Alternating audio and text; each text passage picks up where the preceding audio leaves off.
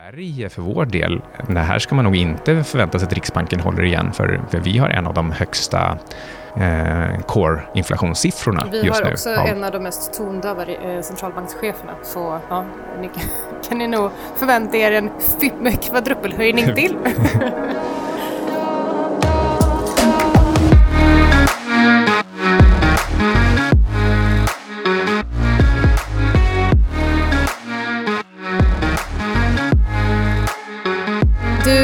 Lyssnar på Antilop Podcast med Anna Svan och... Och Micke Syding. Micke Syding, vår allas egna Syding. Eh, vi ska snacka lite om risker. Då. Vi ska prata lite om om man ska ta ner risken eller öka den nu, kanske på vilket håll, på kort eller långsidan. Eh, och eh, såklart är det som, eh, det som faktiskt styr marknaden eh, och det är Federal Reserve och vad de signalerar. Mm, det handlar ju lite grann om om vi är i en ny era eller inte och vad sådana saker faktiskt innebär. Hur lång är en era? kanske vi kan komma in på. Nu kan du fortsätta. jag tänker att vi kan börja med att prata lite med Michael Burry som verkade ha blivit lite irriterad när folk gick ut och skrev att han hade köpt aktier. Mm. Och han då skrev en tweet där han skrev “You have no idea how, how short I am”.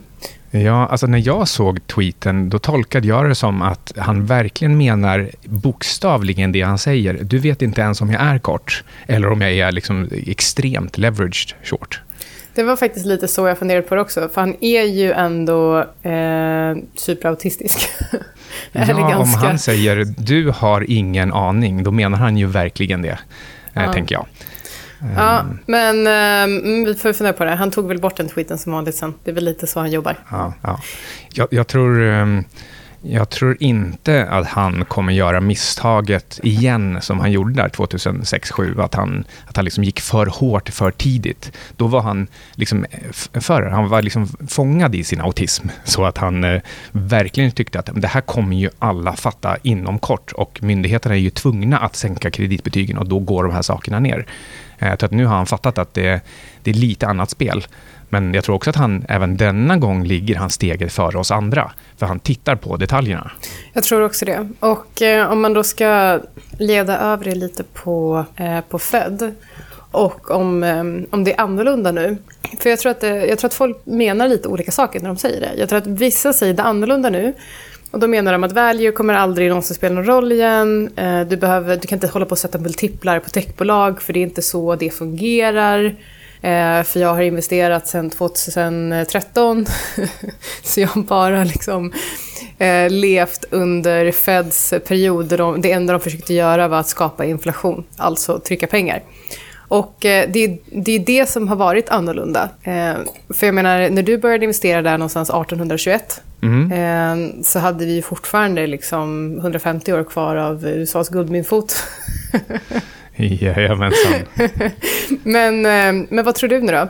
Tror du att... Ja, men i, i, I det här eh, liksom med att försöka skapa perspektiv, så när du lite skämtsamt säger det här om att någon, någon har varit inne sedan 2013, den personen som har varit inne sedan 2013 eller 2017 tycker att, att den har varit med om både flera, flera bear och eh, bull.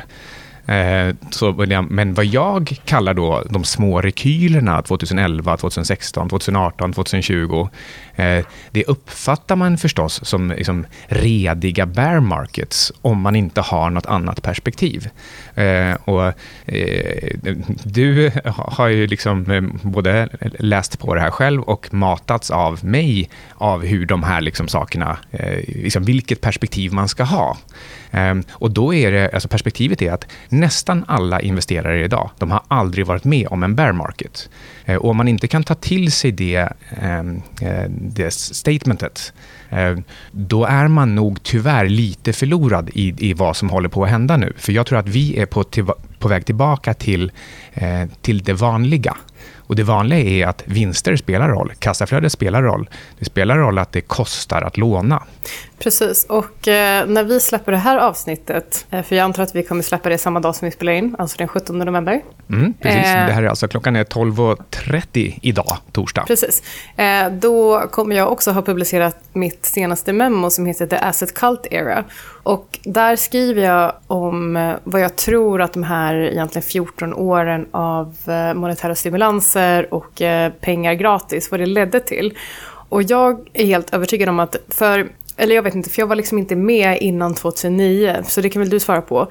Men var det så att, att investerare innan 2009, förutom då under IT-bubblan, liksom hängde fast sig på en tillgång eller en aktie eller liksom bara bitcoin, inte bitcoin då för det fanns inte, men du, men du förstår min poäng. Folk är liksom besatta av att bara ha en tillgång i sin portfölj och sen så liksom låser man fast sig vid det och så tycker man att alla andra tillgångar är dåliga. Nej, det var inte riktigt så, utan hela den här liksom aktiekulten och eh, även att eh, fokusera på bara en aktie kanske, den, eh, den har vuxit sig starkare och starkare under hela den här Vanguard-eran som liksom började med indexering och sen så blev det bara aktier. Och så fick vi eh, aktie och IT-bubblan där i slutet på 90-talet. Eh, men, men liksom inte ens då var det så att aktier är någonting alla har eh, och det är bara det man ska ha. Man ska bara ha en aktie. Så utan det, det hände någonting där efter 2008-2009 när man insåg att men okej, Fed har verkligen vår rygg. De kommer göra vad som helst. De till och med säger det explicit. Ja, det var ju ECB som sa det, men precis. det var ändå Goldmanite. Ja, men precis. Men det som jag tycker är så spännande också då är att man, man tror någonstans att man ska kunna välja den, den bästa tillgången. Det bästa instrumentet på marknaden. Ja, då har man ju helt missat det här med vad det är man egentligen gör. När man, man sprider risker, man försöker ta bra beslut, man ser till att vara redo. För, för just det, You can't predict, but you, can, but you can prepare. prepare. Och jag, I mitt memo så tar jag upp en studie som gjordes 2016. Um, ehm, och då handlar den om ifall framförallt retail-investerare faktiskt förstår fördelen med att uh, diversifiera sina, sina investeringar. Och eh, de flesta tror att, eh, och det här, det här var faktiskt, jag blev faktiskt lite förvånad, jag refererar till studien så att man kan hitta studien om man läser memot. Eh, många, många tror alltså att eh, ju fler tillgångar och ju mer diversifiering du har, desto högre volatilitet. Där, där ligger nivån på kunskap. Mm. Ja, ja alltså det där är ju märkligt. Visst, liksom, jag, jag kan förstå vad, vad, man tänker. Man tänker, men jag introducerar ju ett element till av risk genom att köpa en sak till. Precis. Men jag tycker att eh, en sak som man kan knyta tillbaka till lite där när man funderar lite på risk och hur man ska diversifiera sin portfölj, det är Ray Dalios The Holy Grail of Investing. Så att om han, eh, han insåg då, eller upptäckte, att eh, om du kombinerar olika return streams, och då måste man också Eh, Eh, man måste också definiera det. Eh, det behöver liksom inte vara en enskild aktie utan det är kanske snarare en hel portfölj eller en hel strategi eller liksom ett helt index.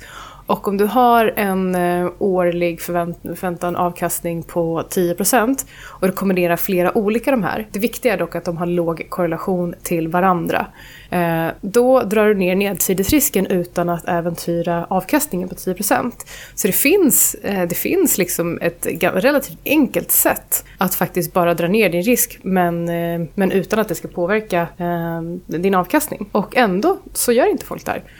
Men det här gjorde ju till och med liksom de stora investerarna och alla privatinvesterare lurades också in i, eller lurades, liksom blev rekommenderade blandfonder där man hoppar mellan obligationer och aktier och sen så viktar man om dem där på, liksom ett, på ett smart sätt. Men, där... men, men, sen blev det ju där till risk parity och sen gick räntan ner till noll och då plötsligt så hade det ju inte något skydd. Precis, men det där är faktiskt en helt annan sak. Ehm, för det där är att sprida riskerna utan att egentligen titta på korrelationsegenskaper. Så, och, det, och jag tar upp det också, så det är mer traditionell diversifiering. Och det handlar mer om att man ska bevara ett värde eh, än att man vill se värdet av sin portfölj faktiskt växa. Då. Så där handlar... Men, men, men för att komma, en liten kommentar där ändå, det är ju att eh, räntemarknaden och aktiemarknaden brukade vara helt okorrelerade, eller till och med negativt korrelerade. Eh, och de är det när räntan är tillräckligt hög, för då har du ett skydd där som du kan hoppa till. Och det är det som gör att de blir okorrelerade, för att man hoppar mellan dem eller ja. viktar om mellan. Men, men, ehm, men, men sen slutade det gälla, så att det, de istället blev extremt korrelerade. Och det har ju egentligen alla tillgångar varit nu under året. Eh, och det finns en ganska enkel förklaring till det också. Jag menar, du får väl också höra ofta Jaha, eh, gick det nu då med guld och bitcoin, inflationen var så hög? Ja, nu blev det inte så bra va? Eh, men jag tror att det folk missar, det är framförallt två saker. För det första, priset på råvaror steg, priset på guld steg, priset på bitcoin steg. Och allt det här tillsammans bidrog, bidrog till att det till slut faktiskt syntes i KPI. Så jag menar, det, jag tror att man får, eh, får fundera på vad man tittar på här. Och sen för det andra, Eh, så när, när prisökningar faktiskt på riktigt syns i KPI så tenderar alla tillgångar kortsiktigt att korrelera med varandra. Förutom dollar då, för dollar är ju eh, vår safe haven eh, asset class. Men om man tittar över långa perioder så ska man liksom inte hålla så mycket cash. Eh, men det är, och det är just det här också när man pratar om att man inte ska försöka tajma marknaden utan att det gäller time in different markets. Man kommer ihåg. Mm. För, för annars, tror... annars blir just den här klassiken att man tror att man ska kunna sälja marknader på toppen och sen så köpa tillbaka dem på botten när dollarn har gått upp tillräckligt mycket och så vidare. och så vidare. Men det där kommer inte lyckas med. Så att, eh, titta istället långsiktigt eh, och leta efter tillgångar och Eh, strategier som har eh, låg korrelation till varandra. Och det är det som är själva nyckeln. Du kan inte hålla på och köpa fler olika banker och så tror du att nu har jag tio banker, så nu har jag tio olika tillgångar, så nu är jag, nu är jag väl diversifierad. Mm, nej, det är du inte. Det, det, det är du inte om du har tio aktier, fast i olika sektorer heller. Det är inte heller tillräckligt bra diversifiering. Man kan titta på Cathy Woods ARK fund där hon har bara saker som har höga multiplar och som är liksom någon slags SAS-bolag eller framtidsbolag. Som, liksom, det är samma typer av investerare, det är, det är samma typer av drivkrafter. Eh, och Det innebär att hon har, ju, hon har ju egentligen bara en aktie. Ja, ja men exakt. Och, det är, och, det är det som, och då ska det räknas som en return stream. Alltså hela ARK, inte en mm. enskild tillgång som ja. hon har i sin ETF. Men nu handlas mm. ARK till lägre än vad det gjorde under coronabotten. Så att... Eh, ja. Ja, ja på fem år. Jag, jag, jag, tror, jag tror ja. en annan sak som har hänt också förresten eh, i den här aktiekult-eran, det är att eh, det har blivit mer och mer accepterat eller normalt att man ska vara fullinvesterad. Eller rättare sagt, och, och, det är buy and hold, du ska alltid vara med, det är time in the market eh, fullinvesterad.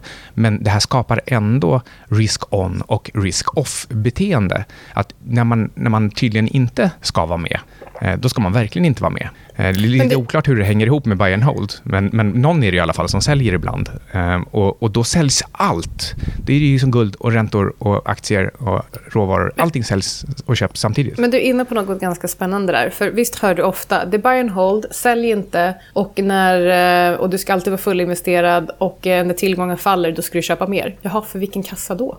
Om du alltid ja. är fullinvesterad? Ja, det, det är möjligen om, om man ska rätta sig själv lite grann där. Um, jag håller egentligen med om precis det du säger. Men jag tror att det kanske bygger på idén om att eh, det man, det man investerar är sin månadsinkomst. Så att det finns alltid en månadsinkomst till att investera. Uh, det handlar inte om, vad, uh, det handlar inte om sin, sin, sin, totala portfölj. Men, men jag tycker också att det är, det är märkligt att säga buy and hold och sen har man alltid kassa över tydligen för att, för att köpa på dipparna. Men eh, ja, i någon mening så kanske man alltid har ett sparande, ett, ett återkommande sparande som det går att köpa någonting på dipparna i alla fall. Mm. Men, eh, men då är ju det förmodligen liksom bara en väldigt, väldigt liten del av det totala kapitalet som du har i din portfölj. Om du har sparat mm, länge. Ja, ja. Det är skillnad kanske tänkte... om du började månadsspara för sex månader sedan. Då kommer ju, beroende mm. på om du fortfarande sparar lika mycket, då kommer det vara minst ja, en sjättedel. Jag tänkte bara gå tillbaka till precis där vi började egentligen. Eh, och det är att, bara för att liksom verkligen eh, ta ett steg tillbaka, lyfta hela perspektivet och säga att Ehm, jag tror att nu är vi på väg tillbaka till så som det, så som det har varit förut.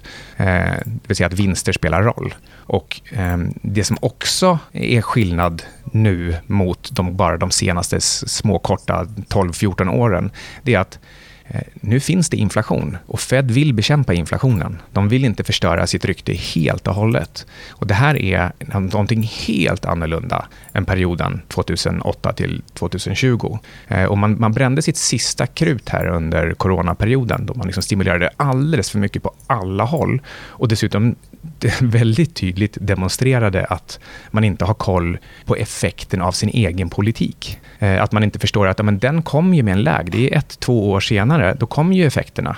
Um, och det innebär att nu, nu kommer man höja räntan rakt in i den här recessionen som bara kommer stormande. Som man kan se i till exempel euro-dollar-futures-marknaden. Den, den, den skriker recession mer än den gjorde till och med 2018 under Powells förra pivot. Och ändå så vill han inte göra en pivot. Jag tror, att du, eh, jag tror att du är inne på något, eh, något viktigt och eh, på något intressant där. Um, jag skrev väl något annat memo förra månaden som heter Another Policy Mistake. Another Policy Mistake.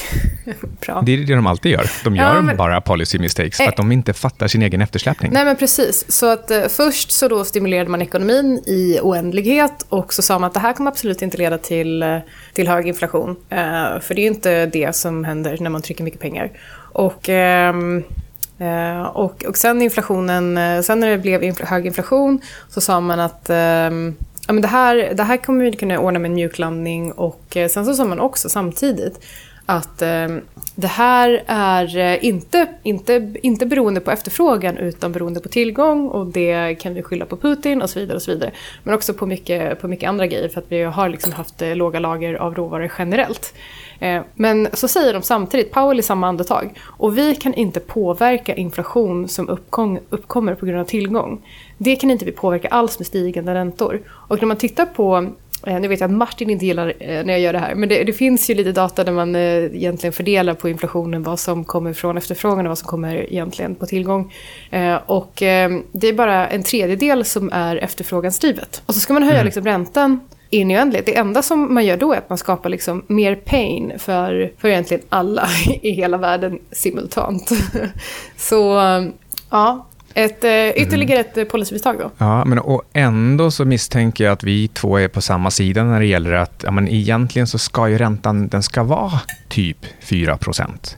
Liksom att den, antingen låt marknaden sätta den helt fritt, eller så ska den vara liksom någonstans här kring 4-5 procent alltid. För det, det, är konsekvent med produktivitetstillväxt, befolkningstillväxt liksom, ja, och, och ja, men hur ekonomin typiskt sett beter sig. Det kan alltid finnas någon annan som lånar ut till 3 procent eller till 7 procent. Men liksom den här, den här det här att det finns oändligt med likviditet på en, på en viss nivå, det är någonting märkligt.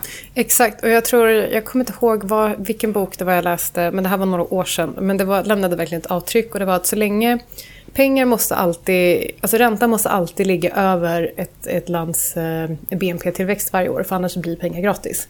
Eh, och mm. jag tycker att det var så himla smart. Men, men det innebär ju också att räntan ska ju ligga i linje med förväntad BNP för det året. Mm. Det borde ju vara, om, om vi nu ska ha en central enhet, vilket jag inte tycker att vi ska ha, men om vi nu ska ha en central enhet som ska bestämma priset på pengar, ja men fan, sätt priset då efter förväntansbilden på hur mycket ett land kommer växa eller inte. Och sen mm. så, om det är så att vi har väldigt hög inflation, då beror det på att ni, har, att ni har använt er av budgetunderskott och tryckt pengar. Gör inte det. Mm. Punkt. Jag förstår inte ja. varför det är så svårt. Ja, nej, problemet här är väl att eh, politiker vill bli omvalda. Och eh, då kommer de aldrig ta bort den där liksom, bålskålen i, i förväg, utan det är ändå ganska kul att ha den framme. Det vet man ju själv hur det är. Det är inte så att man, man tar bort grejerna bara för att det liksom börjar bli lite livat. nu refererar Micke. Jo, men vi, tar, vi, går tillbaka till, eh, till var vi är någonstans här. Alltså Fed, eh, de, de, säger väldigt tydligt, vi tänker hålla räntan högre, hellre för länge än för kort tid. För vi tänker inte göra det där liksom felet som vi gjorde, alltså som folket gjorde egentligen. Eh, utan utan eh, eh vi har verktygen för att åtgärda om inflationen blir för låg. Det, det, kan vi liksom fixa till. Men om den blir för hög, om den springer iväg så att liksom förankringseffekterna släpper, det, det vill vi inte göra. För det, det, vi har lärt oss det förut, att liksom inflation är sjukt svårt att kontrollera. Så hellre tar vi i liksom lite för mycket nu. Och om, om de gör det, när de redan från början har demonstrerat sin oförmåga att hantera eftersläpningar, eh, då, är, då är risken verkligen, verkligen stor att de skapar mer recession och, och, och liksom grus i maskineriet än de kanske egentligen är ute efter. Eh, men det är svårt att veta. Det är det här vanliga igen. Är, är, de, är, de, är de inkompetenta eller är de eh, liksom evil geniuses? Mm. Um Eh, inkompetenta tror jag. Eh, jag. Eller jag tror så här, jag tror att man helt enkelt bara ser efter sin egen mandatperiod. Eh, jag, tror att det är det som, jag tror att det är det som är viktigt. Eh, mm. Men, eh, mm, ja. Vi, vi får ja, se. Men som det här liksom att nu, folk började prata om att köpa JPEG-bilder på apor igen. Ja. Liksom direkt efter att inflationen var bara 7,7 procent. Det, är liksom, det, det, är så, det, det säger ja. en hel del om hur, alltså hur vi har blivit formade av Feds politik de senaste 14 åren. Att man någonstans verkligen förväntar sig att det enda som existerar är liksom ett stimulanssamhälle. Jag vet inte varför folk blir så himla glada av att de tror att vi kommer ha höga stimulanser. Alltså vill folk bo i Argentina? Jag vet inte, vill du? Eh, nej, jag vill gärna åka dit på semester emellanåt. men, eh, men, men, men vill folk leva i en ekonomi som Argentinas? Är, är, det, är det därför man tycker det är så himla härligt att köpa tillgångar då varje gång, Fed, eh, varje gång man förväntar sig att Fed ska sänka räntan? Jag tror, när man, om man nu ska prata lite om var vi befinner oss och så vidare. Eh, jag har ju lite som smått börjat lägga på korta på S&P igen. Jag tror verkligen att det här det här rallyt är över och att vi ska ner ordentligt. Mm. Jag vill ta det till protokollet. Ja, jag, jag äh, la ju på några shorts precis innan Fed-mötet. Det är aj.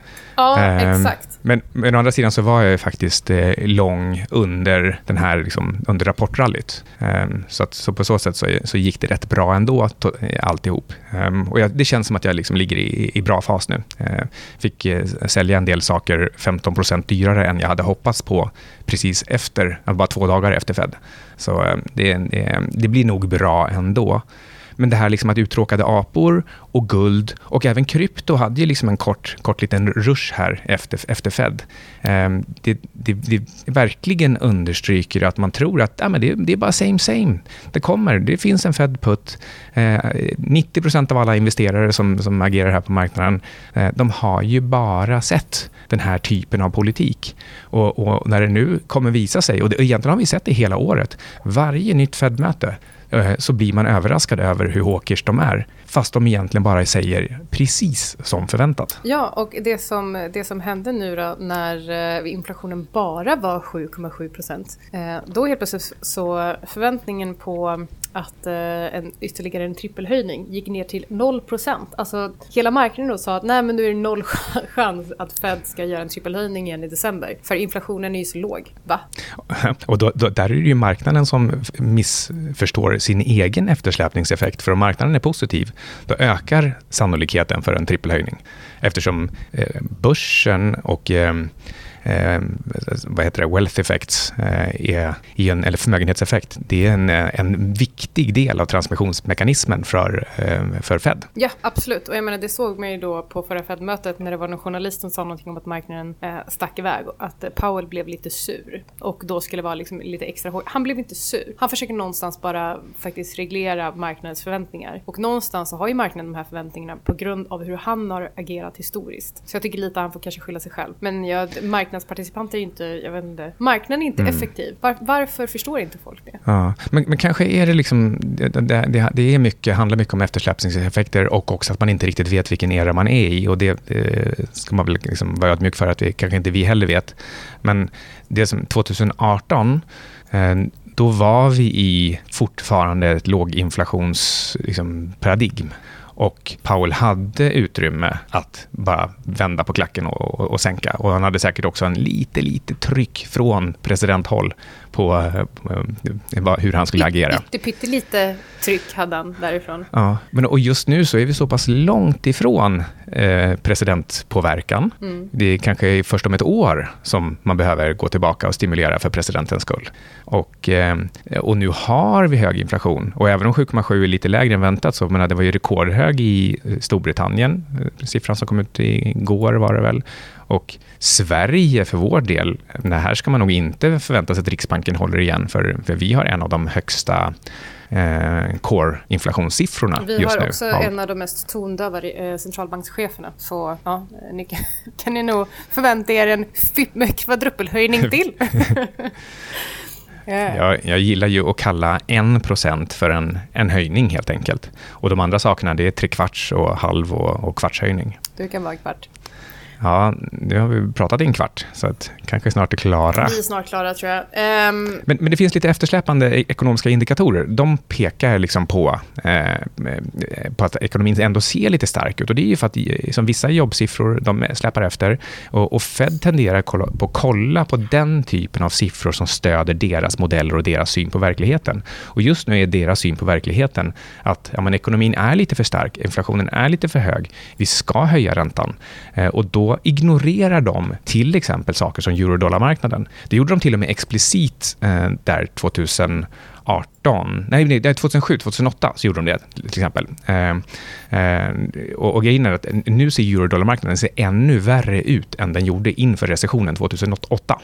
Eh, och, och, redan då, så när de liksom fick det påpekat, säga att kolla vad marknaden säger här om de här räntorna. De bara nja, men då, då kollar vi istället på Fed Funds Futures och, och de, de verkar liksom stämma. Ehm, med vår bild. Det vill säga att det är ganska starkt. Så att... ja, men, men nu säger, gick Fed ut eh, förra veckan också så att deras modeller inte funkar så bra.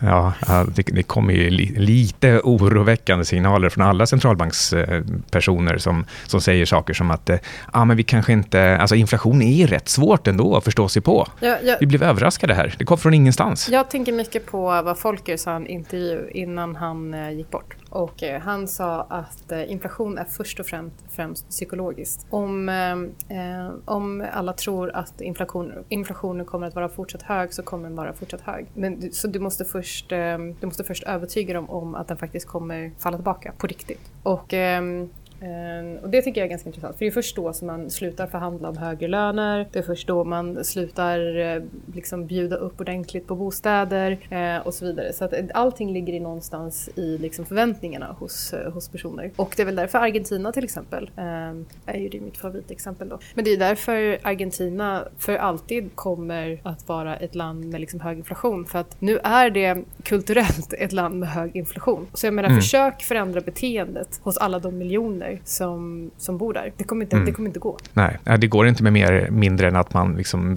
trycker till en hel generation. Nej. Så att de, de säger aldrig mer så ska jag hålla på och räkna på inflation. Men alltså det, jag ser det, det och det, ett, finns liksom så inflationsbeteende hos äh, argentinare. Äh, jag ser det äh, hos min sambo. Om jag ber honom köpa kaffe så köper han ju fem paket. Han gör ju som med allt. Det, det, det, finns, det finns ju liksom ingen hejd. Det är samma sak om vi, ska, om vi ska handla mat eller vad som helst. Han köper alltid fem gånger så mycket mot vad vi behöver. För att eh, ja, men man vet ju inte vad det kommer kosta imorgon. Liksom. Och det är så djupt integrerat. Alltså, han har ju inte bott där på tio år. Mm. Men på tal om att inte riktigt hänga med, liksom, så att saker och ting liksom, det tar längre tid för att verka in på allvar än, än, än, man, än man tror. Så, men vänta nu, vadå? Är inte vi sambos?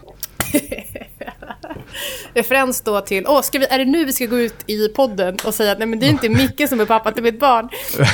ja, ja, det kan vara dags det faktiskt. Kan vara dags. Det här är för er som inte har någon aning om vad vi pratar om nu, så när jag fick barn så var det alltså jättemånga som hörde av sig till Micke och gratulerade. Bland annat flera av våra mäklare. Och jag vet inte, har du dragit av plåstret och sagt till dem att du inte är pappa än?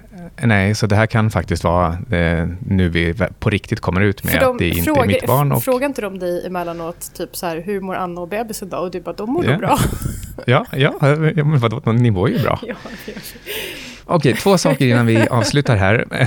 Det där får räcka kanske med det. Mm. Men eh, vi har till exempel Dr. Koppar ser lite positiv ut. Alltså kopparpriset är, eh, det har gått upp från ja, typ 3,25 till nästan 4 här i oktober-november. Och liksom det är särskilt november som det liksom kaxar på uppåt. Det tror jag i och för sig har att göra med att man börjar spekulera i att Kina skulle öppna upp.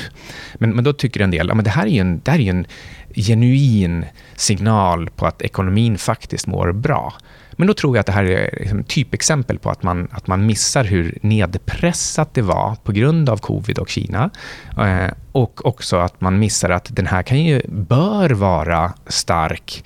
Den bör vara sekulärt stark under en lång period på grund av elektrifieringen. Så man kan inte liksom riktigt lita på att det här är en konjunktursignal längre. Och så tittar vi på olja istället den är, liksom, den är, den är märkligt svag istället jämf med tanke på vad vi har för energikris och risker med, med Ryssland. Så eh, jag tror att det blir mycket brus och, och, lite signal i de här gamla tidsbeprövade eh, serierna. Därför måste man väga ihop många, många, många fler.